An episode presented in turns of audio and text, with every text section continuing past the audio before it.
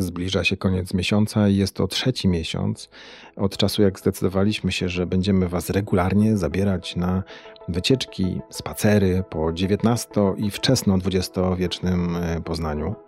My jesteśmy już po świętowaniu jubileuszu. E, tak żeśmy świętowali, że Leszek, Leszka nie ma po prostu, najnormalniej w świecie.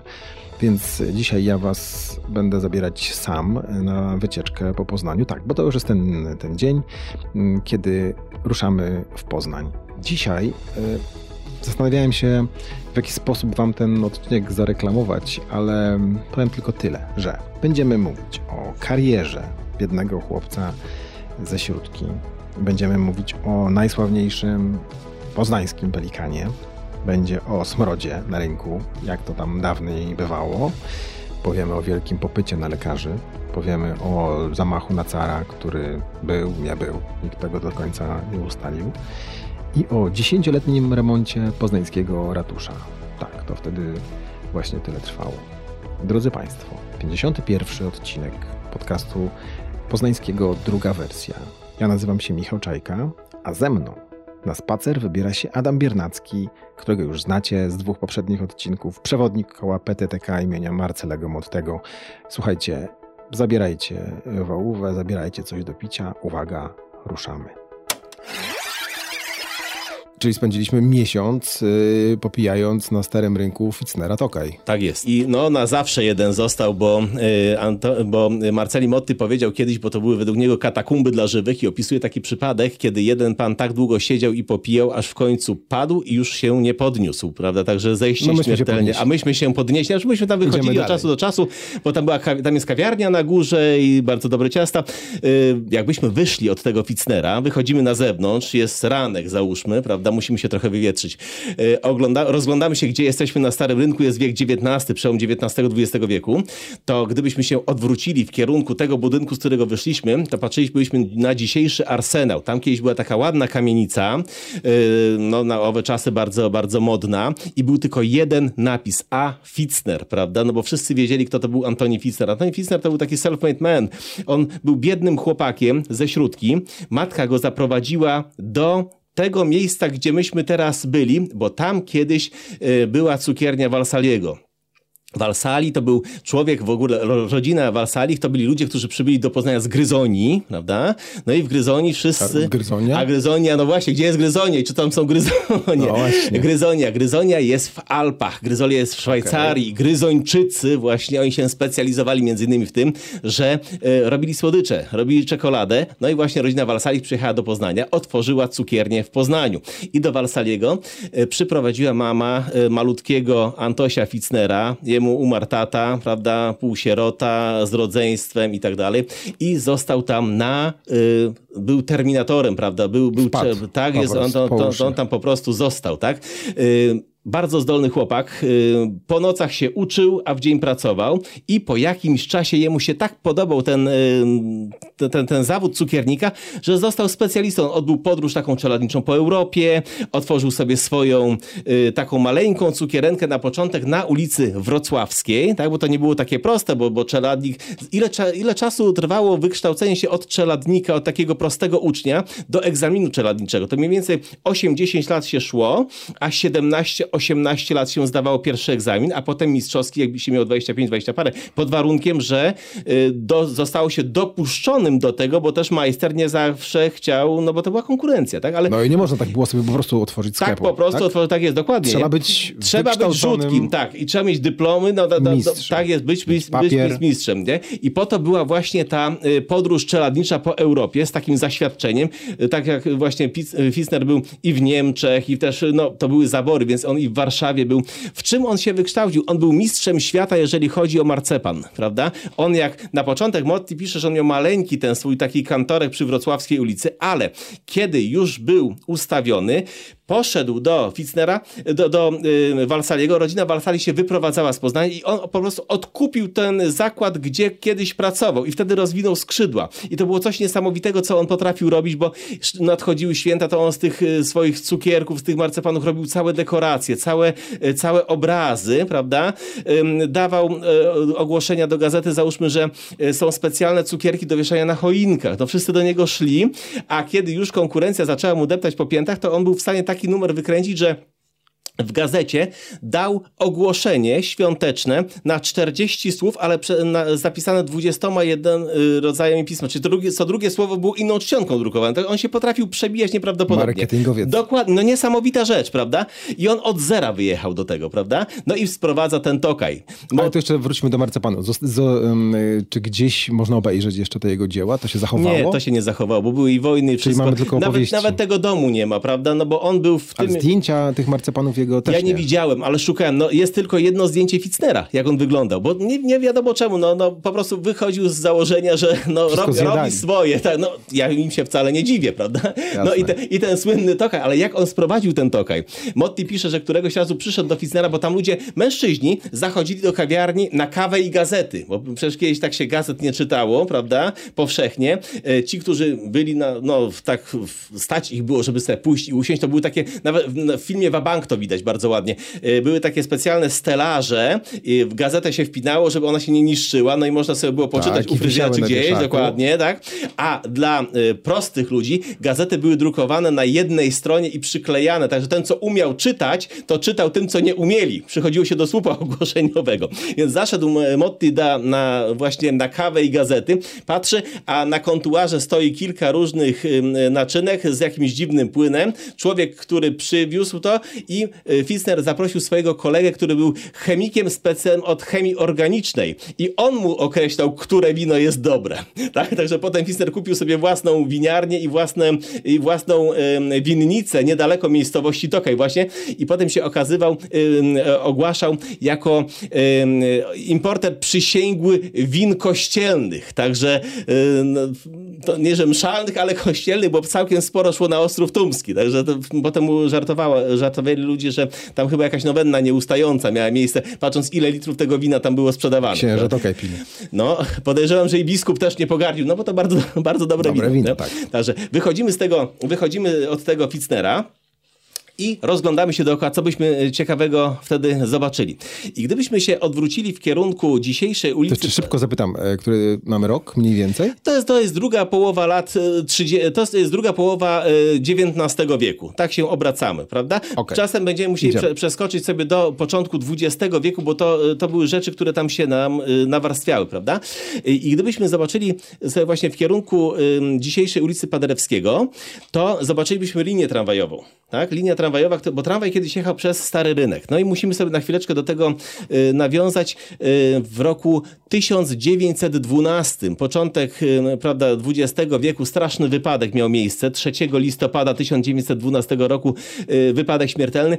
Tramwaj jechał od dworca głównego, była linia numer jeden, w kierunku Starego Rynku. I już na rondzie na pierwszym rondzie y, na Kaponierze miał problem, dlatego że tam się zepsuł hamulec y, w tylnym wagonie. Prawda? Odpięto ten wagon, on pojechał dalej. Znowu skręt w dzisiejszą ulicę 27 grudnia, tam wypada z szyn. Czyli coś jest ewidentnie nie tak. Wstawiają go na te szyny, zaczyna jechać, bo miał prawdopodobnie dojechać do końca trasy i wrócić już do zajezdni. A koniec trasy gdzie był? A koniec trasy na początku... Nie, nie, nie. Na początku był, y, koniec trasy był na y, Ostrowie Tumskim, a potem przedłużono go na Śródkę, jak, jak rozbudowano linie no, tramwajowe. Jeszcze to, to, jeszcze miał kawał do przejechania. I on prawdopodobnie chyba miał dojechać do końca, no nie wiadomo, co miało być y, dalej, i wrócić z powrotem do zajezdni, tak? I w tym momencie, kiedy on rusza, to motorniczy traci kontrolę, wyskakuje motorniczy z tego tramwaju, połamał sobie rękę, połamał sobie nogę, tramwaj pojechał sam, zjechał ulicą Nową, czyli dzisiejszą Paderewskiego, wyskoczył na rynku storowiska, minął figurę Jana Nepomucena i uderzył w y, kamienicę, która była sąsiednią od y, y, Fitznera, prawda? Tam był taki elegancki salon mody, który prowadził człowiek, który się Łuczak nazywał i rozwalił całkowicie tą witrynę. Tam jest nawet zdjęcie. Wpadł do środka. Do środka nie wpadł, zatrzymał się na tym, na tym budynku, ale zabił dwie kobiety. To znaczy one, one były były ciężko ranne. Jedna była tam 40-paroletnią wdową, druga była 15-letnią dziewczyną. Zmarły tego samego dnia w szpitalu. Oprócz tego jeszcze było kilku rannych. I co, co robił Łuczak? Łuczak to był właściciel tego, tego salonu. Mi się to kojarzy z tym, co teraz zrobił Donald Trump niedawno, jak go aresztowali, prawda? Na, fotografowali go na policji, on nadrukował z tego koszulek, zrobił kubeczki i tak dalej, zarobił parę milionów dolarów. A, a Łuczak z tych oględzin policyjnych wydrukował pocztówki i zrobił sobie z tego reklamówkę, że to właśnie w jego y, salon chodźcie uderzył ten, chodźcie, zobaczcie miejsce, no, no, no, właśnie na taki te, i tam było napisane, że pierwszo, bodajże pierwszorzędny salon y, mody i tak dalej, i tak dalej. No i to mu się prędko zwróciło, bo rozwaliło mu bardzo drogą witrynę sklepową. To była jedna z takich pierwszych, bo jak powstawały witryny sklepowe? Na początek sklepy nie miały witryn. Tylko się wchodziło do takiej klitki zawalonej towarem, jak było zamknięte, to było zamknięte, nic nie było widać. Potem były takie okienka, bardzo wąskie, były półeczki. A potem, jak już się nauczono robić dobre, duże tafle szkła, to się robiło właśnie takie przeszklone witryny, a w tych drogich sklepach na Starym Rynku y, te parapety były marmurowe. No i coś takiego właśnie zostało zniszczone przez ten tramwaj, ale prędko bardzo Łuczak się odkuł. No, był człowiek następny następny człowiek interesu, prawda? No, no, no co prawda na nieszczęściu, ale... Taką katastrofę w sukces, w sukces ale dzięki temu my mamy to zdjęcie. Policyjne zdjęcie z miejsca zdarzenia. Tam nawet stoją tacy panowie, prawda, w kapeluszach, tacy smutni panowie tam stoją krótko, krótko po tym i widać ten wagon, y, który właśnie trafił, trafił w ten krajobraz. Obracamy się dalej i widzimy co? Widzimy figurę Jana Nepomucena. Będziemy się w prawą stronę odwracali. E, ta figura e, Jana Nepomucena z pierwszej połowy XVIII wieku. Czemu została postawiona na rynku. No, dzisiaj no, no Jan, Jan Nepomucen to jest patron, który chroni przed powodzią. Tak? No bo Jan Nepomucen chronił przed powodzią także stary rynek. Bywały takie momenty, że po starym rynku pływało się łodziami, Łódką. prawda? I dlatego stary rynek teraz tak wygląda, jak wygląda. My nie mamy jednej świadomości, że chodzimy w tej chwili po Starym Rynku na wysokości pierwszego piętra dawnego Starego Rynku. Czyli jak miasto Poznań było lokowane w 1253 roku, to te kamienice nie miały piwnic. Dlaczego? No, bo ten, ten e, teren był bardzo podmokły, podmokły, tak? Więc jak się to wszystko nawarstwiało, nawarstwiało, nawarstwiało, to dzisiejsze piwnice tych kamienic to są dawne partery tak? A my, ma, my mamy tą świadomość, że jest normalnie. No nie jest, tak się bardzo podniosło. Zresztą w Krakowie to bardzo ładnie widać, jak się wejdzie do sukiennic i się wejdzie y, do tego muzeum, które jest pod płytą rynku, bardzo widać to, to, to stare miasto. Poznań był identycznie zbudowany. Że to był ten poziom. To był ten poziom. To 3 metry, tak? Mniej około więcej? czterech nawet. Nawet około 4 metry. Dlatego, że y, stary rynek dzisiaj jest płaski, ale kiedyś to były takie lekkie górki, dolinki, także do niektórych domów się wchodziło z poziomu ziemi, ale do niektórych się wchodziło po schodkach. Także to nie był teren, y, on y, tak generalnie był lekko nachylony w kierunku Warty, ale też był taki lekko pofałdowany. No inaczej się tego miasta nie dało zbudować. A my dzisiaj chodzimy po tym bruku, prawda? Bruk jest też zabytkowy, tak? bo y, te, te kamienie są takie troszeczkę dziwne, prawda? One są w takim kolorze troszeczkę, jedne są takie różowe, a drugie są takie szare. Cały, teraz jest cała afera o, te, o, o ten zabytkowy bruk, tak? one przyjechały z zagranicy, one przyjechały ze Szwecji. Skąd się wzięły? Wszystkie kościoły też w okolicy Fara Poznańska na przykład też jest wyłożona takim kamieniem. Dlatego, że... E, A kiedy one przyjechały? One przyjechały e, w czasach, e, kiedy Wazowie byli mniej więcej, te, te czasy, kiedy Wazowie byli królami w Polsce. Dlaczego? Dlatego, że Szwecja była biednym krajem i Szwecja importowała żywność. Ale w jedną stronę płynęły statki z żywnością, a z drugiej strony Szwedzi nie mieli co dać. A statek musiał być balastowany, więc on był tymi kamieniami balastowany. Więc jak płynął z powrotem, wyładowywał te kamienie, nie było wiadomo, co z tym robić. No więc były bruki robione, podłogi i tak dalej, i tak dalej. Notabene Fara Poznańska ma chyba najlepiej zachowaną podłogę z tamtego okresu. Fara Poznańska była budowana kiedy? To właśnie możemy sobie zobaczyć, kiedy, kiedy te kamienie były. 1651-1701. Czyli końcówka tego widzimy, że początek, koniec wieku XVII, początek wieku gdzieś mniej więcej ta podłoga musiała być kładziona i ona jest nieruszana od tamtego czasu. W farze. Nie? W farze, tak. Ona jest kładziona na ubity piasek. Ewenement, prawda? To dlatego fara jest między innymi yy, wpisana na listę UNESCO, tak? A do fary to sobie może pójdziemy, popatrzmy sobie na razie jeszcze. Na, rynku na razie jesteśmy na rynku. I e, widzimy ten, ten pomnik tego Jana Nepomucena. Ale dookoła pomnika Jana Nepomucena są cztery armaty. To no, jeszcze moment, bo tak? o bruku. O bruku, aha, no właśnie. Bo doszliśmy do bruku, że, że... Że on był ułożony właśnie z tych kamieni wycinanych z tych, yy, właśnie z tego, co przypływało na, na tych no, ale ten bruk e, teraz, który jest mhm. zdjęty z rynku, to tak. nie był bruk ten z XVII wieku. Był, był. Tak, tak między, częściowo tak, dlatego, że między, w międzyczasie mieliśmy, mieliśmy wojny różnego rodzaju, tak.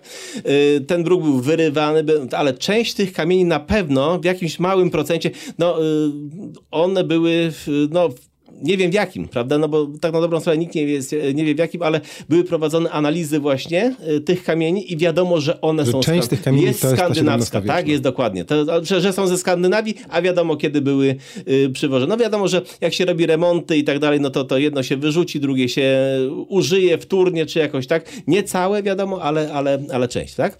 No i... Yy, jesteśmy przy armatach. Jesteśmy teraz. przy armatach teraz. Skąd się wzięły te armaty? To są ewidentnie armaty z czasów e, potopu szwedzkiego, ewentualnie wojen północnych. I z tego, co mi się udało znaleźć, to one zostały wykopane w czasie, kiedy e, był budowany most Świętego Rocha. Tak? One są z kiepskiego materiału. Podobno, jak je się wykopie, to one są dość mocno skorodowane poniżej linii ziemi, bo to, jest tak, to, to nie jest jakiś szlachet, to nie jest żaden spiż ani. ani Jednorazówki. Takie, no, no, prawda jest taka, że to się też zużywało i kiedy Dlaczego, e, dlaczego one akurat tam mogły być znalezione? Bo od tego e, miejsca na e, Poznań był prowadzony atak. I teraz pytanie, czyj, prawda? Czy Sasowie, prawda? No, no, bo kiedy generał Patkul, to jest ciekawostka właśnie, generał Patkul był rodowitym Szwedem, tak? Który dowodził wojskami saskimi. Tak? To jest ciekawe, bo on, on się postawił królowi Szwecji, tak? Powiedział, że Karol Gustaw musi, musi abdykować, w ogóle on mu się nie podoba, tak?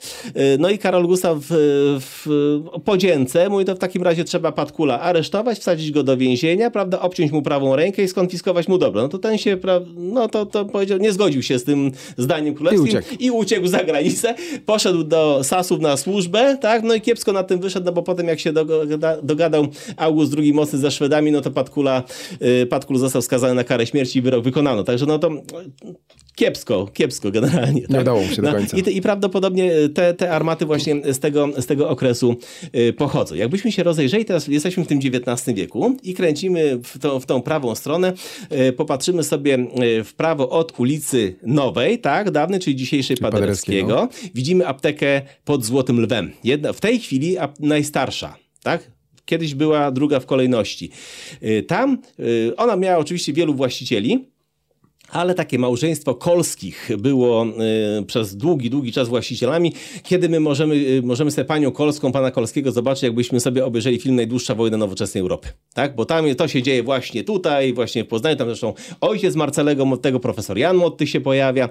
Y, I co jest ciekawe, tam mieszkał ten słynny doktor Karol Marcinkowski. Do momentu, kiedy właściciel, kiedy pan Kolski nie umarł i zaczęto Marcinkowskiemu robić wstręty, że z wdową siedzi, prawda, jeszcze co niektórzy mówili, że ostatnie dziecko pani Kolskiej nie jest ostatnim dzieckiem pana Kolskiego, no i się wtedy, ma, e, wtedy się właśnie um, Karol Marcinkowski wyprowadził na ulicę Podgórną do kamienicy będącej własnością pani Kolskiej, prawda? To, bo to była głupota, przecież um, on był ciężko chory, Marcinkowski był ciężko chory na gruźlicę, a Kolska też już miała swoje lata, więc to było takie, takie y, głupie gadanie. Czyli coś znaleźć to No chcieli, tak jest, no i go posądzali Marcinkowskiego romans z, z y, Emilią Strzaniecką, jakieś tam nieudane, nieudane konkury i tak dalej, a to, to były po prostu bzdury, no, no y, Marcinkowski to był typ oficera, to był typ idealisty, tak? Nie on jeden zresztą, to jest ciekawe. Jakbyśmy się cofnęli do początku XIX wieku, ten pierwszy, jak, y, pierwsza y, część XIX wieku, Jaka jest sytuacja zdrowotna w Poznaniu, jaka jest sytuacja społeczna w Poznaniu? Poznań ma tak mniej więcej 25 tysięcy ludzi wtedy, prawda? Z czego około 1 czwartej to są żołnierze pruscy, tak? No, Prusacy strasznie mieli, dużo. strasznie dużo, ogromny, bo to jest garnizon, tak? Teraz 8%, y, jak się szacuje, y, ludności cywilnej, to byli ludzie z różnych przyczyn niezdolni do pracy. To byli niepełnosprawni, ciężko chorzy i tak dalej, no margines jakiś społeczny, takie coś, prawda? I teraz y, jaka ta, ta, sytuacja zdrowotna jest po prostu tragiczna, prawda? Tak samo jak sytuacja gospodarcza jest tragiczna. Poznań kiedyś był potęgą, jeżeli Wielkopolska, jeżeli chodzi o produkcję sukna, tak? W Poznaniu były sukiennice, tam gdzie się dzisiaj znajduje arsenał na Starym Rynku, od czasów, kiedy, od czasów Władysława Jagieły i to wszystko pada, bo y, dostajemy się pod zabór pruski, mamy y, wstręty z Rosjanami, a tam szedł ten cały eksport. W ogóle y, no to sukno było bardzo drogie, bardzo drogie, bardzo dobre i można było nim, na nim zarobić, bo ono szło dla kogo? Między innymi dla armii, prawda? Jak sobie popatrzymy na, o, powieść Lalka, na czym się dorobił Wokulski, prawda? No właśnie, on też materiały i tak dalej, gdzie? Handel z Rosją, ogromne pieniądze i to raptem pada. I na początku XIX wieku w Poznaniu mamy taką sytuację, że nie ma rodziny kupieckiej, która by miała więcej niż dwa pokolenia. Tak? Czyli jednym słowem katastrofa. Najwięcej zarabiają szynkarze, no bo ludzie chodzą się napić, prawda, z tego wszystkiego. Z żałości, z żałości na przykład, nie? A y, tu i, i, też ta, ta sytuacja zdrowotna. Mamy te dwadzieścia parę tysięcy ludzi. Ilu jest lekarzy w Poznaniu wtedy? Lata 30., pierwsza połowa XIX, 26. 26 lekarzy na całe miasto. Nie? Oni są bezcenni. Tak?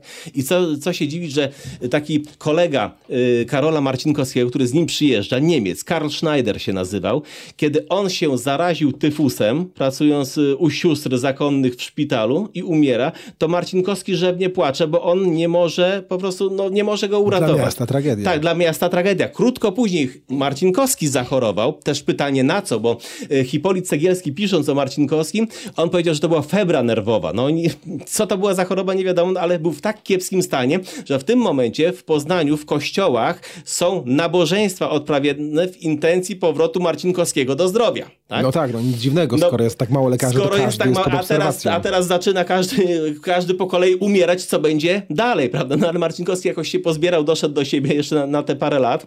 E, kiepsko go, bo kiepsko, no pisze o nim Motti, że on wchodził na piętro, albo go podtrzymywano za ręce, taki był słaby, albo, albo o, o kiju, prawda? Czyli to był człowiek, który ewidentnie słabł z dnia na dzień, jak go, jak go Marceli Motti ostatni raz widział na oczy i pyta go. Ile miał lat wtedy?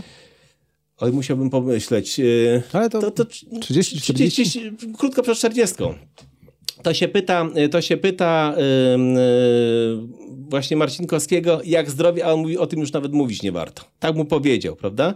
No, także to, to, to była kolejna tragedia, kiedy Marcinkowski umiera. A on właśnie mieszkał w tej kamienicy pod Złotym Lwem, tak? Następna kamienica w bok, jakbyśmy po, poszli, taka duża, z takimi dziwnymi gwiazdami, to jest, to jest y, Pałac Działyńskich, tak? I ja zawsze sobie robię taką małą zabawę, a czy może nie, nie, nie zawsze, taką, yy, taką trochę złośliwą może, to się pytam, co to jest za stworzenie, które siedzi na górze na tym dachu, prawda? I tam są na, najróżniejsze opowieści, że to jest smok, prawda? Że albo jakiś tam inny lewiatan, tak? Kiedyś przyszła taka wycieczka y, z pilotem spoza Poznania i on mówi, zaczął im opowiadać, że to jest orzeł biały, prawda? no, bo, że to jest koziołek e, poznański. Kozioły, ko, o koziołka, koziołki poznańskie, kiedyś przyszła wycieczka, przyjechała wycieczka, też spoza Poznania, y, przewodnik nie był tutejszy i czekali na koziołki poznańskie pod wieżą, pod zegarem i się nie doczekali, bo czekali pod Zamkiem Cesarskim. Także, a, tam, a tam się nie pokazują koziołki. No, bo długo czekali ale, może ale, mi się pokazały. Się nie, no może, no, nie wiadomo. Przepraszam Państwa, dzisiaj nie ma koziołków. Dzisiaj, dzisiaj koziołki, no dzisiaj jest wolne, prawda, jest, może, może weekend przyjechali.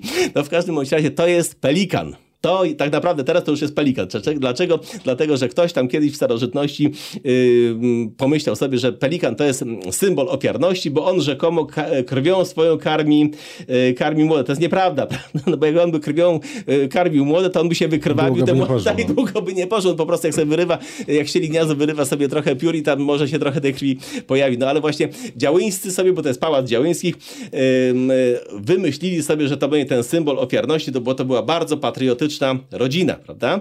Y, sam budynek bardzo ciekawy. Dlaczego? Bo on ma takie dwa ogromne wjazdy. Tak? Czemu tak się dzieje? Bo tymi wjazdami mogła w jedną stronę wjechać dorożka, w środku zakręcić i wyjechać bez wyjeżdżania, że tak powiem, na wstecznym. A to okienko maleńkie, które tam jest, to tam było mieszkanie stróża. No wiadomo, że to już tam się nie zachowało i to był taki pałac, który miał na zapleczu miał ogród i z tego ogrodu też już za dużo nie zostało. No wiadomo, kim był Tytus Działyński, ale ważniejsza jest w tym momencie żona Tytusa Działyńskiego, bo jak Tytus Działyński umarł nagle, a umarł w takich dziwnych okolicznościach, że żona wstała z rana, podobno tak to było, bo tego nikt, no taka, taka legenda miejska, wstała y, Celestyna Działyńska z rana, poszła do kościoła, mąż leżał, prawda, przyszła z kościoła, mąż dalej leżał, już był zimny, tak? I, i podobno serce mu pękło z żałości nad tą ojczyzną, tak? Tylko, że no, to, to dosyć długo mu musiało, tak, musiało mu długo pękać, dlatego, że no, żadnego powstania po drodze w zasadzie nie było, no bo y, tysiąc, no kiedy powstanie listopadowe, on był oficerem, dostał virtuti militari, no to już kupę lat wcześniej, prawda, 30 lat wcześniej, przed jego śmiercią. Po drodze, no już się zdążyli przyzwyczaić, a następnego już nie dożył, prawda, styczniowego już nie dożył. Nie? Za to dożyła jego żona i jego żona, Celestyna Działyńska, razem właśnie z Emilią Strzaniecką, z tymi wszystkimi hrabia, hrabinami y, z Poznania, y, założyły takie stowarzyszenie, mówi, mówiono na nie Samarytanki Wielkopolskie i one robiły takie rajdy po strefie przygranicznej po stronie już e, rosyjskiej, tak? I zbierały tam rannych i przywoziły je na tereny Wielkopolski. To z powstania. Z tych z powstania właśnie. Co jest ciekawe, że e, Prusacy przymykali na to oko, mogli ich sobie leczyć. I taki szpital polowy znajdował się właśnie w Pałacu Działyński, właśnie tam. I y, on miał swój taki regulamin i ewidentnie do tego przyłożyła rękę Emilia Strzaniecka, prawda? Dlaczego? Dlatego, że był straszliwie taki rygorystyczny, tam za byle co można było wylecieć z tego szpitala nawet. Tam nie można, było pilnować. Ani, tak, tak, ani, ani nie można było alkoholu pić, ani nic takiego. No przecież to ci powstańcy, no to byli żywi ludzie, tak? Jeden miał tam lekką ranę, drugi był prawie umierający, no ale byli tacy, co tam chcieli sobie sobie tu i ówdzie wyskoczy, więc tam nie było zmiły. A no skoro, to niedaleko. A, tak, a skoro, a skoro y, był taki, y, prawda, y, był taki regulamin, to znaczy, że on chyba musiał być tak? To bo on bez przyczyny to on nie powstał. I panie pilnowały. I panie pilnowały tych panów, a kiedy oni wyzdrowieli, no to wtedy przychodziła władza pruska i rekwirowała ich do odsiadki, nie? Te, te odsiadki nie były za długie, takie paroletnie, bo to jednak był sąsiedni zabór, ale z kurtuazji dla mm, cara, dla no to jednak trzeba tak, tymczasem, tymczasem no, no to nawet była rodzina, bo przecież car był spokrewniony. Car bardzo często jeździł do, y, jeździł do y, krewnych, tak na dobrą sprawę, w odwiedziny do Berlina i miał wypadek w Poznaniu. Tak? Zaraz no, po sąsiedzku jest Pałac Mielżyńskich, tak? Pałac Mielżyński i on wjeżdżając od drugiej strony miał wypadek. Szofer, czy Stangret, za szeroko wziął zakręt i ta dorożka, ten, ta kareta carska uderzyła w narożnik tego domu. Nie dostosowanie szybkości nie dosta- tak, do, warunków jazdy. No, znamy to. Co się dzieje? Nic by się nie stało. Nic by się nie stało, ale jeden z obstawy carskiej tak się zdenerwował, że ściągnął Stangreta z kozła i zaczął go bić. No wtedy, a no to się nie dzieje bez świadków. No poznający się zlecieli, no zbiegowisko się zrobiło, no to jak już widzą, że się dzieje takie coś, no to jest okazja do bijatyki. Więc zaczęli się szarpać, krzyczeć, że tu się nie bije, bo tu jest Polska, a nie Rosja i tak dalej. I w tym momencie, no car po, był już w, w sporym zagrożeniu, ale przyszli ludzie, przyszło wojsko z niedalekiego odwachu tak? Bo jesteśmy na rynku, tam jest odwach, tak? I ten odwach, co to jest odwach, nie? Odwach to jest no, spolszczona nazwa Hauptwache. To była taka wartownia, gdzie było takie małe więzienie, były izby dla y, żołnierzy, którzy czekali na zmianę warty, y, była nieduża, nieduży magazyn broni, takie biuro i tak dalej. No taka, taka po prostu... Mini tak, tak, takie, taka wartownia główna, można powiedzieć. On całkiem ładnie wygląda, prawda? Bardzo ładnie wygląda. Dlaczego? Dlatego, że yy, zadbał o to taki hrabia, który się nazywał Kazimierz Raczyński. Kazimierz Raczyński to był prywatnie dziadek Edwarda Raczyńskiego, tego, który postawił tą naszą bibliotekę do tej pory istniejącą. Tak? I on był niesamowicie obrotnym człowiekiem. Tacy ludzie byli potrzebni. No oczywiście za, zaraz się musi zdarzyć ktoś, kto powie, a bo to kolaborant i tak dalej, nie? Ale takie były czasy, że Polski nie było na mapie. I trzeba, jak się chciało coś zrobić, to trzeba było po prostu się lawirować. lawirować. I teraz tak, hrabia Raczyński był dobrym przyjacielem Stanisława Augusta Poniatowskiego. Jak przyszło do Targowicy, to Raczyński poszedł do Targowicy, prawda? Ale w międzyczasie dostał tytuł hrabiego, gdzie? W Berlinie. Ale jednocześnie pracował dla cara i pobierał pensję. Więc dostał w Berlinie order Orła Czarnego. Od Stanisława Augusta Poniatowskiego dostał order Orła Białego, a od cara dostał order y, Aleksandra Newskiego. Także z każdej strony był kryty. Był dobrze sytuowanym człowiekiem, facet. mądry facet i to właśnie on ufundował odwach taki ładny, taki, taki w stylu takim, takiego klasycyzmu, zaprosił, taka, taka tajemnica Poliszynela, że jemu się ten stary drewniany nie podobał, bo tamtędy często przejeżdża i po prostu no, miał taki wstręt do tego, więc żeby ta wartownia była ładna, no to sobie zbudował taką. Tam jest jego herb, herb Nałęcz, herb, herb Raczyński, prawda? Y, I od tej pory żołnierze też mieli lepiej, wygodniej, też pewnie jakoś byli, jakoś byli wdzięczni. On zatrudnił do tego takiego młodego architekta, który się Kamzecer nazywał. Też często przebywał w Warszawie, to był Niemiec i Stanisław August Poniatowski ufundował mu taką podróż naukową po krajach Europy właśnie południowej, Włochy i tak dalej, aż po Maltę. Raczyński też się dorzucał, tam Kamzecer jeszcze zahaczył i o Bliski Wschód. I ciekawe, co on by nie zbudował, gdyby nie umarł nagle w wyniku jakiejś ciężkiej choroby, tylko 42 lata. Ale zostawił Kamzecer właśnie tą, tą naszą kordegardę, tak to nazwijmy po, yy, po, po francusku już, bo w Warszawie jest przecież kordegarda, to jest to samo co odwach yy, w Poznaniu, tak? Także z tej właśnie kordegardy, z tego odwachu przyszli ludzie i wyratowali cara i on sobie pojechał z powrotem do, yy, pojechał sobie do Berlina. Ale jak on z tego Berlina wracał... Już nie przez Poznań. Przez Poznań. Przez Poznań. Przez nie, Poznań wracał przez Poznań i miał pecha znowu, bo on musiał przepiąć konie w Poznaniu i pojechać sobie dalej. Pojechał sobie, wyjechał już sobie szczęśliwie, minął stary rynek wyjechał sobie na Chwaliszewo i krótko za mostem, nie jego kareta, ale kareta, która wiozła kancelarię, wpadła kołem w rynsztok. To były takie bardzo głębokie rynsztoki. Coś takiego się dziwnego stało, że y, wystrzeliła komuś broń. No znowu, obstawa carska, prawda? Nic nikomu nie powiedziano. Pojechał car do Warszawy i raptem przychodzi wezwanie, informacja do Poznania, że był zamach na cara w Poznaniu straszne rzeczy się dzieją, bo strzelano do cara w Poznaniu, prawda? Powstaje co? Powstaje coś w rodzaju komisji śledczej, tak? Przyjeżdżają ludzie z Berlina, oficerowie, cała policja się rusza i tak dalej, i tak dalej. Co się stało? Bo tam stali jacyś dziwni ludzie, car się, a czemu się car nie, no bo się czuł zagrożony, to on uciekł w zasadzie, tak? Ale przestrzelono karetę i płaszcz przestrzelono, prawda, y, tam człowiekowi z obstawy. No to w końcu pojechał człowiek bardzo ważny, tutaj jeden z oficerów do y, Warszawy, to pokażcie tą karetę, pokażcie ten, no bo prowadzimy regularne śledztwo, prawda? I co robią Rosjanie? To jest taka sama sytuacja jak w tej chwili, prawda, jak, jak była inwazja na Ukrainę. Nie oddamy wraka. E, e, nie oddamy, ale nie oddamy wraka, ale tam była taka sytuacja, że e, pokazano konwój rosyjski, który wjeżdża na Ukrainę, a Ławrow mówi, że to jest screen z gry komputerowej, nie? Więc wtedy powiedziano tak, kareta została porąbana, płaszcz został spalony, a urzędnicy wyjechali. No to mamy tutaj aferę. Musicie nam wierzyć. I musicie musicie nam wierzyć na słowo. Więc uznano w końcu, że jaki władca, taki zamach i dano i umorzono śledztwo, tak? Także miał pecha po prostu, w jedną i w drugą stronę miał chłopak pecha, tak?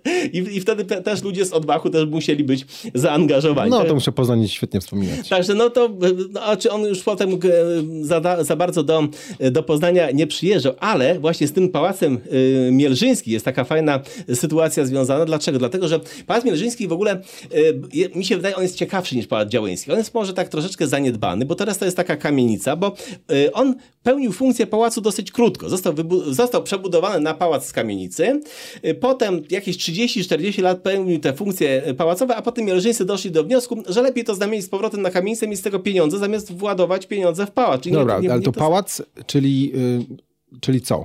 Funkcje pałacowe, czyli tak, funkcje pałacowe. Yy, tak, dokładnie tak, tak, dokładnie tak, no bo jestem sobie hrabią, to mam posiadłości, ale mam też pałac w Poznaniu, prawda? Działyńscy mają swój, mielżyńscy Czyli pałac mają, to po prostu jest, jest miejsce, w którym tak, mieszka jest, hrabia. I mieszka okay. hrabia i hrabia tam mieszkał. Mało tego, w roku 1806 tam przyjechała ekipa napoleońska, prawda? Przyjeżdża Józef Wybicki, przyjeżdża Jan Henryk Dąbrowski i przygotowują właśnie w tym pałacu y, grunt pod to, żeby Napoleon przyjechał do Poznania, tak? Także bardzo, bardzo ważne miejsce i z tym się wiąże taka fajna historia, dlatego, że y, była taka, y, no, mam, śpiewamy w hymnie już tam, prawda, ojciec do swej Basi i tak dalej, i tak dalej i podejrzewano pewną Basię, ale to nie jest ta Basia, prawda? Barbarę, Barbarę, Barbarę Chłapowską, dokładnie, Barbarę Chłapowską, ale od razu mówimy, to nie jest prawda, że Barbara Chłapowska jest bohaterką hymnu, bo Józef Wybicki wtedy jeszcze jej nie znał. On ją poznał, ale w, jakich, w jakiej sytuacji? Chłapowska to było takie wybiokno,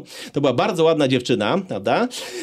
I Chłapowska, no chciano Barbarę Chłapowską wydać za mąż, prawda, na nią babeta mówili w domu, no bo to była taka, taka baba herszt, yy, tylko, że jak ją zaczęto wydawać za mąż, no to ona zaczęła kręcić różne numery tym adoratorem, a to uciekła z domu, a jak nie udało jej się uciec z domu, to go jakoś ośmieszyła i tak dalej, i tak dalej, więc jak się pojawiły właśnie te wojska napoleońskie, to przywieziono ją do Poznania, zakwaterowano ją właśnie w tym pałacu Działyńskich, a niech sobie poszuka męża prawda? I sobie poszukała męża. Francuza? Nie, nie.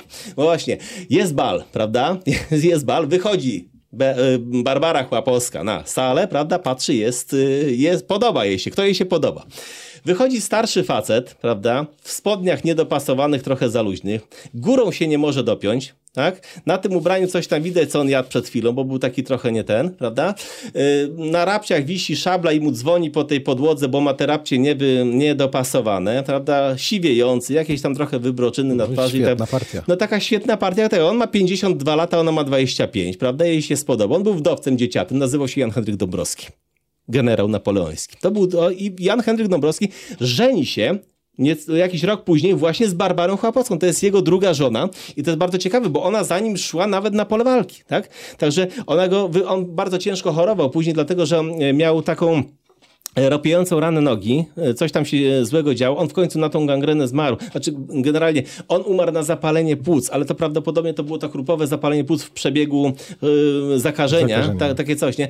No ale jeszcze mieli, prawda, syna razem i tak dalej. Także taka, taka ciekawa historia, jak to może być. Tutaj po takich fircyków jej przywożono, prawda, a tu się okazało, że ona woli jednak inaczej. Także bardzo dzielna kobieta, zresztą założyła żeńską lożę masońską w Poznaniu, tak? Bo wszyscy napoleońscy oficerowie byli masonami, także ja tak zawsze zawsze się zastanawiam, no, stosunek y, kościoła do masonerii jest jednoznaczny. Tak? Na wzgórzu świętego Wojciecha w Poznaniu leży trzech masonów. Józef Wybicki, Amilkar Kosiński, Niegolewski, prawda? I serce Jana Henryka Dąbrowskiego, który był, ciekawe, on wstąpił do masonerii we Włoszech, ale w rycie szkockim. Też ciekawostka. Potem y, współpracował z różnymi innymi lożami masońskimi na bardzo już wysokich y, poziomach, tak? Także był, był zaufanym człowiekiem. No i proszę bardzo, nie? Jak, jak to się skończyło. Jesteśmy, jesteśmy właśnie przy tym pałacu Mielżyńskich, tak? I jakbyśmy się obrócili na chwileczkę jeszcze w lewą stronę i na narożniku jest taka y, kamienica, gdzie jest dzisiaj Muzeum Henryka Sienkiewicza, tak? To kogo tam widzimy na narożniku? Tam widzimy bardzo ważnego człowieka na narożniku, bo to jest Jan Quadros Lugano, Jan Baptysta di Quadros Lugano. Y, źle umiejsco... źle wykonany napis, bo tam jest napisane twórca ratusza poznańskiego.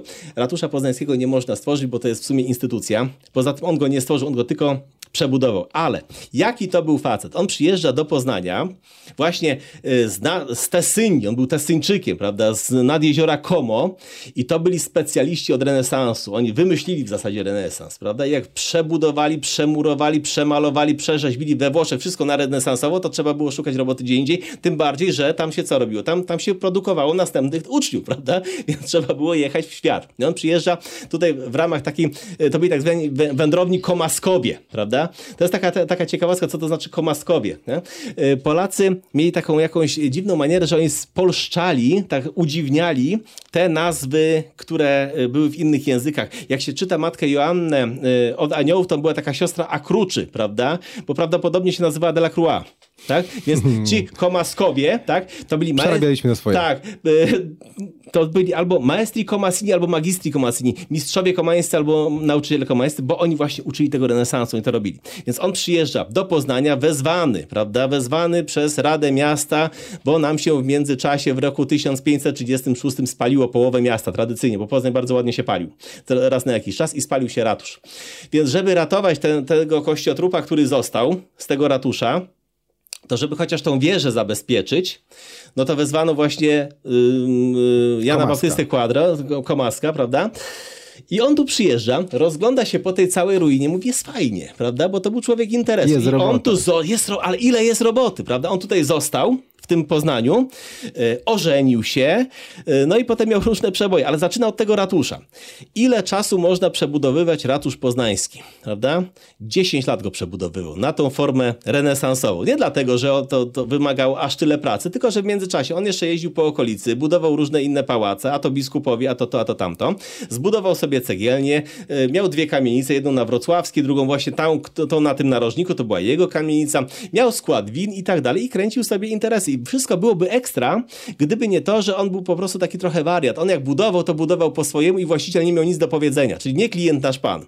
W efekcie miał całą masę spraw sądowych i z bardzo bogatego człowieka, tak, y, stał się biedakiem i skończył, dostał od miasta y, y, mieszkanie w baszcie, mówi się, że w Wykuszu, ale Wykusz nie ma tylnej ściany, więc to była baszta, gdzieś przy ulicy Masztalarskiej. Nie wiemy kiedy umarł, nie wiemy kiedy, gdzie został pochowany, ale jak on budował ten ratusz, od, od, odbudowywał ten ratusz, no to dzisiaj to jest wisienka na torcie, prawda? Taki y, zawsze jak się wprowadza wycieczkę, ktoś mówi, proszę bardzo, to jest najpiękniejszy ratusz renesansowy na północ od Alf. Amen. Koniec. Nie? Bo... I on zrobił też po swojemu I, ten I po swojemu jest zrobiony cały tego. Nikt mu się tam nie wtryniał. Nie, nic mu się, bo no, bo ja podejrzewam, że to była taka rozmowa na zasadzie Janie, Janie, odbuduj nam ratusz. On co, ja wam nie odbuduję ratusza, ja wam odbuduję ratusz. Najlepszy Najlepszy by, taki będzie mieć, że, że nie macie pojęcia. I na przykład te schody ratuszowe, te takie półokrągłe, one są zarażnięte z Watykanu.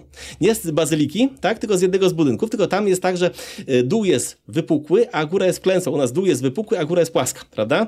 No, tak samo y, jak się patrzy po tej logii, prawda, no to są te kolumienki, tam na przykład są cnoty główne, jest wiara, nadzieja i tak dalej, cierpliwość, tylko że kolumienek było za dużo i wmontował tam jeszcze y, królową Kleopatrę i Lukrecję Bordzie, prawda? Postronni się nie zorientowali i cała no masa swojemu, na, naładowana i resztę. I wtedy właśnie powstaje te, te słynne koziołki, bo wtedy jak już na renesansowo przebudowano ratusz, no u mistrza Wolfa w Gubinie zamówiono urządzenie błazeńskie, to znaczy koziołki. Tak? I od tej pory te koziołki na tym ratuszu są. Tak? One też miały przeboje, bo jak Polska była pod zaborami, to albo koziołki nie działały w ogóle, a raz uruchomiono koziołki, jeden był biało-czerwony, tak? a drugi był biało-czarny, niemiecki i tak był mechanizm ustawiony, że ten niemiecki bił tego czerwonego, tego biało-czerwonego. I Polaków no ruszało. Także to, to, nie był, to, to nie był taki miód, prawda? Potem, kiedy y, już y, y, się zabór rozkręcił na dobre, przemalowano ratusz na y, takie kolory czarno-żółte. On był taki nieładny wtedy, taki ponury, bo Niemcy powiedzieli, no to jest poważna jednak instytucja. Nie będzie kolorowo. I nie będzie tak kolorowo, tak? I wtedy właśnie nie wiemy, y, jakie były pierwotnie te napisy po łacinie, prawda? Bo tam są takie y, napisy po łacinie dookoła. Dzisiaj one są odtworzone, zbierano je na przykład po poznańskich kamienicach, no i tam są, jedne są takie, że to jest o władzy, że na przykład gdzie rządy łagodne, to długa władza. To, to, to jest takie grożenie partii, jak będziecie źle rządzili, to się może skończyć różnie, prawda? Tak. Także i tak, no i właśnie y, i tak zrobił właśnie ten y, Jan Baptysta Quadro ten ratusz, ale on zrobił też ciekawszą rzecz. Mianowicie on był autorem szubienicy w mieście Poznaniu, która się znajdowała przy ulicy jest ulica Krzyżowa, wychodzimy kawałek e, dalej za, za dawny Poznań i tam, gdzie stoi właśnie ten krzyż, przy ulicy Krzyżowej skazaniec modlił się ostatni raz, a kiedy jedzie się kawałek dalej jest kapliczka po prawej stronie, tam była, taka, tam była ta szubienica i to był budynek murowany, pewnie z tej cegły, którą on robił w swojej cegielni, czyli sam sobie płacił. Dzisiaj, no to jasna sprawa. Dzisiaj przecież. za to jest paragraf, tak? A, a on takie rzeczy robił. Wchodziło się do środka, do tego budynku, on był piętrowy i na wysokości pierwszego piętra były takie ruszty, tam były stryczki, tak? I skazaniec wisiał tak długo, aż sam nie spadł. Dlatego ten budynek był poza, ta budowla była poza miastem, na linii wiatrów panujących, no bo to była jedyna kara, której nie sprawowano w mieście Poznaniu, bo tak długo skazaniec wisiał, aż nie spadł pod własnym ciężarem, także następny wchodził i widział swoich poprzedników. To, to też taka była straszna, straszna rzecz, nie? Yy, I to Miała też... być edukacja, ale to już na edukację Ale to już była taka resocjalizacja, już było, prawda, Przed taka faktem. spóźniona. Spóźniona, spóźniona taka, tak. Dokładnie tak. Także i tym się zajmował właśnie Jan Baptysta Quadro w Poznaniu. Tak, taka, sprzedaniem, taka, cegły. E, między innymi i wina też, Razem bo skład, skład wina też miał, prawda? Także no, to, był, to był cudowny człowiek. To, to, to Poznań przyciągał takich ludzi. Ale przegiął, no jak ale, mówisz, że, go, że skończył w e, baszcie. E, to znaczy, on tam mieszkał, dlaczego? On tu się ożenił zresztą, ale czemu? No bo przegrał sprawy sądowe go wykończyły. No bo każdy go pozywał, ja chciałem mieć taki pałac, ty mi taki zbudowałeś. No czyli normalnie reklamacje go, jakby patrzeć na przedsiębiorstwo, tak? To padł przez reklamację, bo mu nie uznali tych reklamacji, prawda? No I, ciężko przebudować tyle, no. pałac. No. Ale co to był za charakter, prawda? Że, że, że, że się aż przy tyle razy upierał się przy, przy swoim. No, ale idziemy sobie, idziemy sobie dalej po, po, po tym starym rynku. Jeszcze jak jesteśmy przy ratuszu, to musimy powiedzieć o nowym ratuszu. Tak? Y, tam, gdzie dzisiaj stoi waga poznańska, tam był nowy ratusz poznański. Trochę, mi się wydaje, że trochę szkoda, że go nie ma. Bo to byłby budynek autentyczny. Bo waga poznańska, która jest w tej chwili, to jest waga odtworzona na podstawie na podstawie litografii, na podstawie planów, bo jak Prusacy rozbierali y, jakiś budynek, to robili bardzo dokładne plany tego, łącznie z tym jaka farba była i tak dalej. Więc to jest identyczny, naturalny budynek wagi poznańskiej, tak, y, który y, no, dotrwał do końca do końca XVIII wieku, początek XIX wieku do 45 roku to jest już ten ratusz. I co jest ciekawe, to był taki nowoczesny ratusz, że on miał nawet w swoim wewnątrz taki pokój do rekreacji, także urzędnik mógł wstać, tam pewnie jakieś wiosełka były albo coś, bo to było takie, takie urządzenie bardzo, na Titaniku też były wiosła w tym pokoju do rekreacji. XIX wiek to była bardzo po, popularna rzecz. I, y, I tam właśnie ci urzędnicy mieli bardzo takie porządne warunki do, do pracy. Natomiast przedtem tam była waga poznańska, a jeszcze przed tą wagą poznańską tam był taki budynek administracyjny. Jak powstaje miasto Poznań, nie ma jeszcze ratusza, tak? Ale trzeba prowadzić sprawy urzędowe. I najprawdopodobniej tam było takie miejsce, gdzie można było różne sprawy urzędowe załatwić, a wójt mieszkał w takiej wieży e, mieszkalnej, takiej wieży obronnej. To był wtedy najprawdopodobniej pierwszy budynek murowany, która się znajdowała na tej e, ulicy, na tej pierzei, gdzie się znajduje e, czerwona papryka. Tak? To mniej więcej gdzieś tam w tej, jedna z tych, jest takie podejrzenie, że jedna z tych kamienic stoi w tym miejscu, bo piwnica jest zbudowana z kamienia. Tak? Także być może to właśnie było tam takie, takie są bardzo, bardzo uzasadnione podejrzenia. I właśnie w tym miejscu była ta waga poznańska. Po co była waga poznańska potrzebna? Po co była w ogóle waga? Jak wagę odbudowano, to zaproponowano, żeby tam się mieścił Instytut Zachodni, ale naukowcy nie chcieli się y, zgodzić. W przeciwieństwie na przykład do Odwachu, gdzie przez pewien czas się mieściła szkoła baletowa po wojnie, tak? dopóki się y, znowu nie przeniosła. Y, waga poznańska była po to, że kiedy przyjeżdżał kupiec do miasta Poznania, to ważono mu towar, ile on czego ma. Jak wyjeżdżał, to znowu mu ważono towar, ile czego sprzedał, płacił od tego podatek. Do tego dochodzi jeszcze, że on musi wynająć magazyn, gdzieś tam sobie to wszystko przechować, tak? A y, oprócz tego musi y, sobie jeszcze y, wynająć jakieś, no bo nie ma swojego straganu i za to też musiał płacić, także łupili go jak tylko mogli poznaniacy. Na wszystkie strony. Na wszystkie strony, a jeszcze jak nadano Poznaniowi, jak jeszcze Władysław e, Jagiełło nadaje Poznaniowi prawo składu, że to musi być minimum przez trzy dni, no to już w ogóle, nie? Czyli on musi musiał jechać traktem, tak, wjechać do miasta, żeby się chronić przed złodziejami, prawda, bo było w mieście bezpiecznie.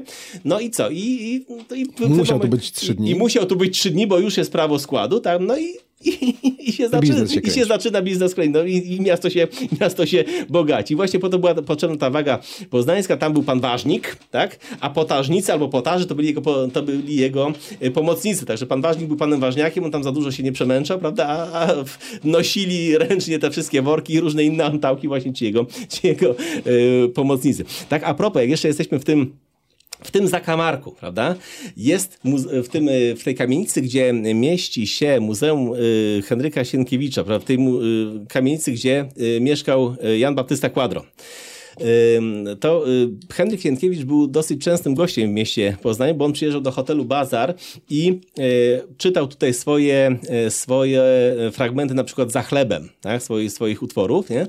A miał co czytać, bo on jak wyjechał do Ameryki i dostał tam kosza od Heleny Modrzejewskiej, to bardzo niezadowolony wrócił do Polski, no i oddał się już na serio twórczości literackiej, bo ta, ta Helena Modrzejewska przyjeżdżała do, do Poznania bardzo często, była tutaj uwielbiana. No a e, Henryk Sienkiewicz no, miał do niej taki żal, że to, e, że to nie z nim, tylko z, z, z, tym no chłopowskim. Tak. No, ale Helena Modrzejewska, ona była e, kobietą po przejściach, prawda, z tym Cimajerem tam miała różne, różne i, i dwójkę dzieci, jedno jej zmarło, potem było to porwanie rodzicielskie, kiedy Cimajer swojego syna porywa, wywozi go aż na Węgry. Ona chciała mieć po prostu święty spokój, tak? Wyjeżdżają do Ameryki, Helena Modrzejewska z mężem Karolem Chłapowskim, tam parę innych osób i ten Sienkiewicz, tak? No i on tam zaczyna mieć różne nadzieje, prawda? No i w końcu po prostu jak niepyszny wraca do kraju i wtedy się zaczyna ten jego to jego turnę y, między innymi, między innymi po Wielkopolsce, a y, dzięki temu mamy całkiem sporo pamiątek, bo y, takim przedsiębiorcą już w XX wieku, który się fascynował Henrykiem Sienkiewiczem był Ignacy Moś.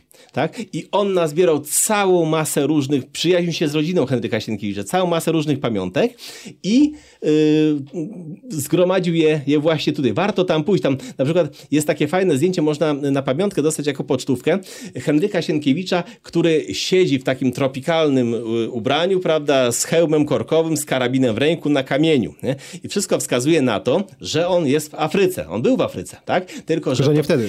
A nie, on, to zdjęcie jest wykonane najprawdopodobniej w Warszawie albo w Krakowie, y, bo wszystkie rekwizyty zostały przyje, przywiezione i sobie w kontrolowanych warunkach y, zrobił to zdjęcie. Co jest ciekawe, jak się patrzy, to jest ważne, można sobie porównać. Henryk Sienkiewicz, jak robił sobie zdjęcia, to on prawie zawsze siedział. On nigdy nie stał. Czemu? Bo on był bardzo niskiego wzrostu, miał kompleksy na tym punkcie, że był, że był niewysoki, prawda? Więc zwłaszcza jak się z dziećmi fotografował, czy gdzieś tam, prawda, to siedział na fotelu, dostojnie inni stali, dostali. Tak, tak, tak, Niby, że dostali, a tak naprawdę, no to, to takie były przyczyny, jakie były przyczyny. Nie? E, odnośnie jeszcze takich pamiątek, Mówiliśmy o Helenie Modrzejewskiej. Kawałeczek od e, Starego Rynku e, na e, ulicy Wronieckiej jest takie Muzeum Pracowni Kraszewskiego. Tak? I tam jest taki fajny fotel z takimi herbami, który on dostał na jubileusz pracy twórczej w Sukiennicach. Nie? Tam się ciężko dostać, ale no, można mieć szczęście i to zobaczyć. Ten fotel jakby nam opowiadał, jakby mu umiał mówić, to by nam opowiedział fajną rzecz, mianowicie kiedy było właśnie, kiedy Kraszewski obchodził swój jubileusz w Sukiennicach w Krakowie, to tam ludzie przez pewien moment scenie mówili, dlaczego? Bo właśnie wchodzi Modrzejewska. Wchodzi Modrzejewska do, tej, do tych sukiennic, prawda? I Panowie milkną z zachwytu, panie milkną z zazdrości, bo ona ma na, na, sobie suknię. Ona ma na sobie suknię, którą zaprojektował taki pan, który się Wort nazywał i projektował suknię dla rodziny królewskiej. Nie?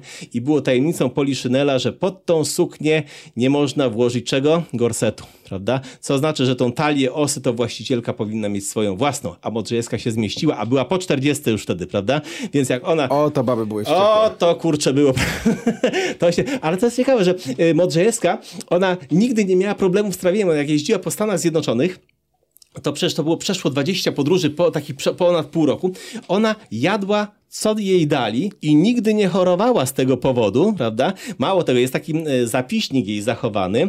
Mówiła, że bardzo lubi przyjeżdżać do miast, gdzie jest dużo ludności niemieckiej, bo oni tam mają dobre niemieckie piwo i pieczone kiełbaski z kapustą. Taka, taka dama, a, a taka dieta, prawda? Także no, no, ale, no cóż, jak lubiła. Jak lubiła, lubiła dobrze zjeść, prawda? I lubiła sobie zapalić, prawda? Jakbyśmy poszli do, e, jakbyśmy poszli sobie kawałek tą ulicą Paderewskiego do, do góry, myśmy chyba już o tym mówili, ale e, tam przy ulicy Murnej miał swój zakład chemiograficzny e, ojciec Arkadego Fidlera. Myśmy mówili o tych, o tych e, prawda, kartkach, które były z wizerunkiem Modrzejewskiej, to było dołączone do paczek papierosów. Tak? E, tak, dokładnie tak, taka reklamówka, bo ona sobie, sobie, lubiła właśnie i wypić, i zapalić, prawda, no i, i w sumie nie było źle, tak? Czyli wracamy z, wracamy z powrotem na ten rynek, bo my się kręcimy... Po, no, wracamy na rynek, bo nie powiedziałeś o nowym ratuszu. O nie nowym, skończyliśmy. Nowy ratusz został zburzony, znaczy on został uszkodzony bardzo mocno w czasie II wojny światowej, kiedy była bitwa Bo o Poznań. Prusacy rozebrali wagę? Prusacy rozebrali wagę, zbudowali nowy ratusz, prawda? Ten ratusz był... No, ja powiem tak, w, we Wrocławiu nowy ratusz i stary ratusz są ze sobą, prawda? I to fajnie wygląda, bo to widać tą historię. No, my, mamy, my mamy teraz tą wagę identyczną z naturalną, prawda?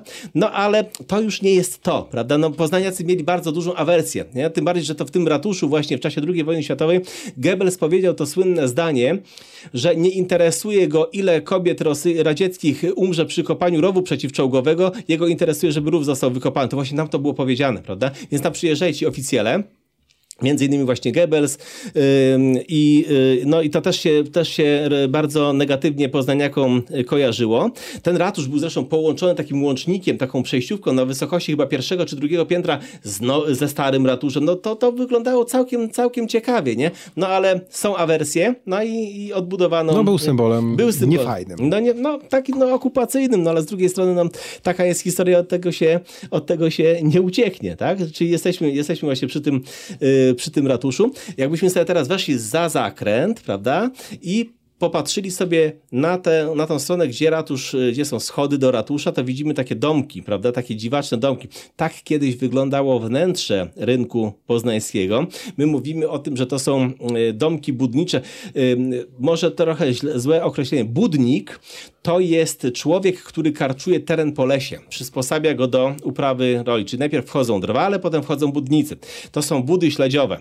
W tym przypadku budy śledziowe bo tam handlowano rybami. Tam są takie podcienie, czyli już przystosowanie się do klienta, żeby nam na głowę deszcz czy śnieg nie padał, tak? Y, I tam właśnie handlowano rybami, ale jakimi przetworzonymi. Przetworzonymi rybami, czyli solonymi, czyli jakimiś tam, prawda, y, w beczkach, wędzonymi, a rybami świeżymi handlowano przed tym, y, przed tym budynkiem i tam był taki rynsztok i ten rynsztok był y, ulicą, dzisiejszą ulicą Woźną, czyli XIX wiek to jest ulica Butelska, tak? I to spływało do Fosy. Łatwo sobie wyobrazić, no jak, jak, to wszystko wyglądało, tak. prawda? I tam to oprawiano. Teraz pytanie, co się działo, jak te ryby się nie sprzedały w ciągu tej doby, prawda? Jak już no, przecież to ludzie byli cwani, przyszedł, zobaczył, że skrzela są silne, to właśnie tam się za, zaraz obok znajdowały wędzarnie. Tak? Że jak się wchodziło generalnie na rynek, no to było nie, generalnie było niefajnie i Motty pisze o tym, że to była udręka dla nosa. Mało tego. Tam jak były jarmarki, to było gotowane jedzenie, prawda? W większej ilości tworzyły się takie stoiska, to się wszystko mieszało ze sobą to też był taki, taki, można powiedzieć, troszeczkę fast food, bo y, kiedy ludzie wracali z pracy przez stary rynek, to pracowali za dniówkę, wydawali tą dniówkę właśnie na to jedzenie, nie? I to na starych fotografiach takich z początku właśnie XIX wieku, prawda? Y, znaczy, z, może nie z początku, ale z, z połowy XIX wieku, to widać y, tę, tą całą ciżbę ludzką, to co się tam działo. Ten rynek żył, ale on był bardzo taki praktyczny, bo dzisiaj jest taki zabytkowy, taki ładny, są te wszystkie parasolki i tak dalej. Jak się skończy remont, to pewnie to będzie, tak? Natomiast wtedy to było, to było miejsce po prostu handlu i Gdzie biznesu. ludzie po prostu żyli, tak? Gdzie ludzie po prostu żyli. odpoczywamy e, na rynku. Przełom XIX i XX wieku to już są te kamienice, które mają w sobie bardzo eleganckie sklepy. Jak się patrzy na przykład na, na te e, koniec XIX wieku, przełom XX, to są e, kapelusze tam sprzedawane, jakieś eleganckie rękawiczki, buty i tak dalej, same ładne, ładne szyldy. Natomiast wcześniej, no to było centrum miasta, gdzie się gromadzili ludzie. I na samym początku, jakbyśmy się tak cofnęli do początku e, samego Poznania, to jak wytyczano y, miasto, to bardzo ważnym miejscem był taki słup. Tak? Wbijano słup i tyczono miasto od tego słupa. I potem ten słup zostawał na początku drewniany i pełnił rolę pręgierza. Tak? Czyli ten pręgierz, który dzisiaj stoi w Poznaniu, on nie stoi w geometrycznym centrum Poznania, tylko on jest przesunięty przed ratusz, nie? I on może wprowadzić w błąd, bo no teraz go nie widać, bo jest schowany do magazynu na czas remontu, ale na tym pręgierzu stoi sobie taki pan w zbroi, tak, z mieczem w ręce i nam się on kojarzy z rycerzem. Tylko, że to nie jest rycerz, tylko to jest kat.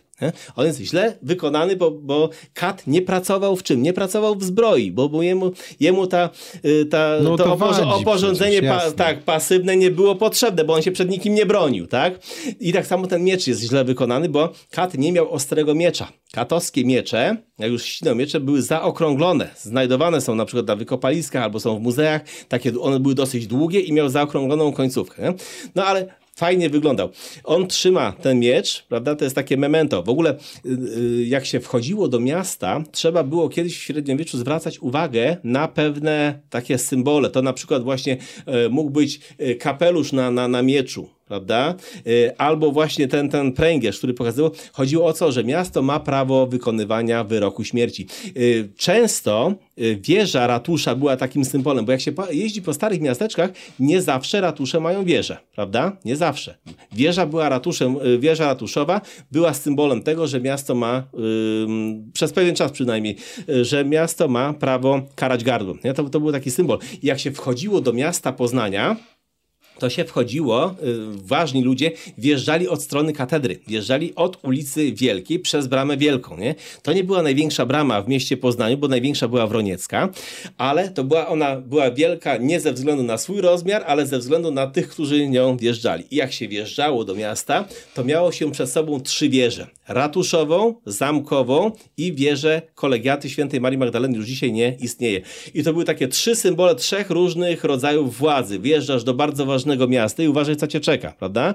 Dzisiaj tej, kolegiata, tej kolegiaty już nie ma, prawda? Fara jest już gdzie indziej, no ale jak się popatrzy z daleka, to tak fajnie wygląda, bo e, symbol tej y, wiary, prawda, te, tej władzy duchownej przejęło Kolegium Altum Akademii Ekonomicznej. Ona jest bardzo, wysokość tego budynku jest bardzo po, podobna do wysokości wieży, tak? Także zmieniła się, prawda, no teraz bogini Mamona rządzi, prawda, więc y, można to tak, tak, Trochę tak, się tak, tak, tak się symbole, no to znak czasów można powiedzieć, nie? No ale wracając do tego, do tego, do tego pręgierza, on jest bardzo ciekawy z jednego powodu. Dlaczego? Dlatego, że on został ufundowany z pewnego specyficznego funduszu. Mianowicie, w tych kamienicach dookoła Starego Rynku żyli bardzo bogaci ludzie. To byli kupcy, to byli przedsiębiorcy ówcześni, to byli ławnicy i tak dalej. No i oni mieli przecież swoje rodziny, prawda? Zatrudniali panny służebne. Więc jak taka pani która była żoną kupca, czy jakiegoś ważnego człowieka, że tak powiem, z wiekiem wyrosła ze swojej garderoby, tak, jakiejś ładnej sukni czy czegoś, to ona jej dawała ją tej służącej, prawda? Bo to były młode, szczupłe dziewczyny i tak dalej. Poza tym te dziewuchy dosyć dobrze zarabiały. I teraz tak, wychodzi sobie taka panna służebna, jedna, druga, dziesiąta, ubrana w adamaszki, w atłasy, w jakieś tam, prawda, aksamity, tak? Obwieszona jeszcze czymś. No to wyglądało Ciekawie, nie? I teraz Rada Miasta Poznania wydała takie zarządzenie, że jak taka panna się będzie za dobrze ubierać, to dostanie karę finansową. To od razu wiadomo, że to ci panowie, co byli w tej ławie, prawda, to raczej oni sami na to nie wpadli, tak? No bo ja wątpię, żeby im było nieprzyjemnie na to to tam z tylnego fotela było kierowanie, prawdopodobnie, nie? W każdym razie takie prawo było, tak? A te panny, ponieważ zarabiały całkiem niezłe pieniądze, powiedziały, dobra, jestem, my będziemy płacić, prawda? I płaciły te kary, jak ją tam złapano, to ona zapłaciła, bo miała z czego i dalej się stroiła, tak? Pewnie jak przyszła do domu się poskarżyła, oskarżyła tej właścicielce. No więc, tak. no ale ona pewnie jak przyszła do domu i powiedziała, co ją spotkało, to i pewnie ta, ta właścicielka tam jakoś tą... Tego, I z tego funduszu ufundowano właśnie pręgierz poznański. No i tam jest napisane właśnie po łacinie dookoła. Na, na tym, tego. Także widać, że no, w szczytnym celu to było, w szczytnym celu to było yy, właśnie wykonane. Jak mówimy o pręgierzu, to powiedzmy o kacie bo jesteśmy naprzeciwko ulicy Woźnej, tak? I tam jest znowu błąd na tablicy, że mieszkał na tej, przy tej ulicy mieszkał Woźny, czyli Kat, prawda? To nie jest prawda. Woźny to nie był Kat. Woźny to był Woźny. Woźny organizował pracę ratusza, tak? On miał te wszystkie klucze, jak to Woźny, ale zarządzał na przykład podziemiami, gdzie był areszt i wyprowadzano tych skazańców, ale Kat mieszkał faktycznie. Kat to był inaczej mistrz, a do pomocy miał ceklarzy, czyli takich, prawda, adeptów tej sztuki, takich czeladników, co się uczyli zawodu, prawda? Prawda? No i teraz tak, y, w mieście Poznaniu, w średniowiecznym mieście Poznaniu, prostytucja była usankcjonowana prawnie. Tak? I żona kata zajmowała się y, zarządem tak zwanego zamtuza. To się dzisiaj inaczej nazywa. Tak? I teraz ja tak sobie czasami myślę, jak mąż się zajmuje katowskim rzemiosłem, a żona się zajmuje stręczycielstwem, jesteśmy ich znajomymi, oni zapraszają nas na obiad w niedzielę, idziemy czy nie? Ciężka sprawa, prawda? taka, no, taka rodzina, trzeba prawda? Było uważać. O czym tam się rozmawiało przy stole? No, o biznesie. No, o biznesie, no właśnie. No, y, y, czy, czy, zawód katowski był bardzo poważany. To Andrzej Frycz-Modrzewski pisał, że w ogóle kat to nie ma grzechu, prawda, za to, co robi i takie tam, nie? Kat, jak się nie zajmował męczeniem, dręczeniem, ścinaniem i tak dalej, to był bardzo potrzebny w mieście, bo po pierwsze kat bardzo dobrze znał się na czym? Na, y, na budowie ciała ludzkiego. Więc jeżeli na przykład ktoś no bo nie zawsze się skracało kogoś o głowę, tak? Tylko na przykład obcinało mu się jakąś dłoń przykładowo i on musiał to przeżyć, więc on musiał mieć podwiązane żyły, prawda? Ładnie to zaszyte i tym się też zajmował kat. Więc jeżeli ktoś miał wypadek, załóżmy na budowie i sobie coś zmiażdżył, to szło się, no lekarzy to było jak na lekarstwo, prawda? Ale kat był i kat potrafił pomóc w takim, w takim przypadku. To jest raz. W przerwach między W przerwach między tym, jakby, jak nie, nie prowadził egzekucji, prawda? Albo jak nie, nie naprawiał tych wszystkich swoich urządzeń urządy, czy nie szkolił sobie y, pomagierów, tak? No to y, takimi rzeczami też się zajmował. Mało tego, kat wywoził padlinę z miasta. I była bardzo ciekawa sytuacja, y, że kiedy na początku, kiedy w XIX wieku chciano zbudować, utworzyć nowy cmentarz, ważny cmentarz dysydencki, on się znajduje dziś, on się znajdował tam, gdzie się dzisiaj znajduje Park Tysiąclecia, prawda? To trafiono na przeszkodę. Bo jak zaczęto tam kopać, to się okazało, że znaleziono całą masę y, na wpół zmumifikowanych zwierząt i tak dalej, różnych kości zwierzęcych, bo tam było tak zwane hyclowe pole. On to tam wywoził. I wszyscy o tym zapomnieli. Aż do XIX wieku, kiedy się okazało, że to się właśnie znajdowało tam. Jakiej, z jakiejś przyczyny. I około 20 lat stanęła robota, trzeba było to wyczyścić dokładnie to miejsce, potem tam był bardzo fajny cmentarz i on się tam do tej pory znajduje. Bo na początku początku lat 70., kiedy y, chciano w jakiś sposób uhonorować prawda, tysiąclecie państwa polskiego, y, to ten cmentarz zlikwidowano na takiej zasadzie, że tam kogo wywieziono, tego wywieziono, ale nawieziono bardzo dużo ziemi i są ludzie, którzy to jeszcze pamiętają, prawda? Tam samych grobowców murowanych jest około 500. Pod tym parkiem tysiąclecia. Tam jak się idzie na wszystkich świętach, tam się czasami światełka palą, nie? Także to jest, to jest właśnie taka, taka kolejna cieka, kolejne ciekawe miejsce w mieście Poznaniu. No ale wracamy z powrotem na ten, na ten rynek. Y, wracamy na rynek, ale już kończymy wycieczkę powoli. Aha, no to będziemy musieli jakoś to... to musimy, jeszcze powiedzmy... Musimy je... przetrwać. Wrócimy do rynku, bo rozumiem, że to jeszcze nie koniec historii. Nie, gdzież tam. A, no, no. domyślam się. To wychodzimy z rynku, bo musimy przetrwać. Idziemy na ulicę Strzelecką. Tak? Miesiąc musimy przetrwać. Y, musimy tam miesiąc... No to przetrwamy, bo tam była bardzo dobra oberża pod Złotą Gęsią. Pan Huppe ją prowadził. Brzmi I... dobrze. Brzmi dobrze. Najlepsza oberża do momentu powstania restauracji w Bazarze Poznańskim. I tam nawet Radziwiłowie się zatrzymywali, także warto. To co? Oberża pod? Złotą Gęsią. Pod Złotą Gęsią. My z Adamem siadamy w oberży pod Złotą Gęsią na miesiąc. Dziękuję Ci bardzo. To był trzeci odcinek naszej podróży po Poznaniu, która zapowiada się, że będzie trwała w nieskończoność. Adam Biernacki, przewodnik koła PTTK imienia Marcelego Mottego. Dziękuję Ci bardzo. Ja również dziękuję. Do usłyszenia za 4 tygodnie.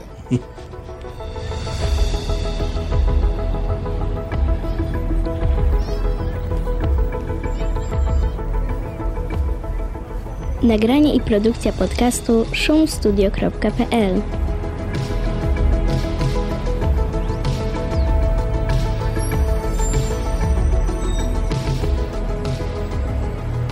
Kolejny poniedziałkowy odcinek to będzie odcinek, który będzie mm, odcinkiem przed Halloweenowym.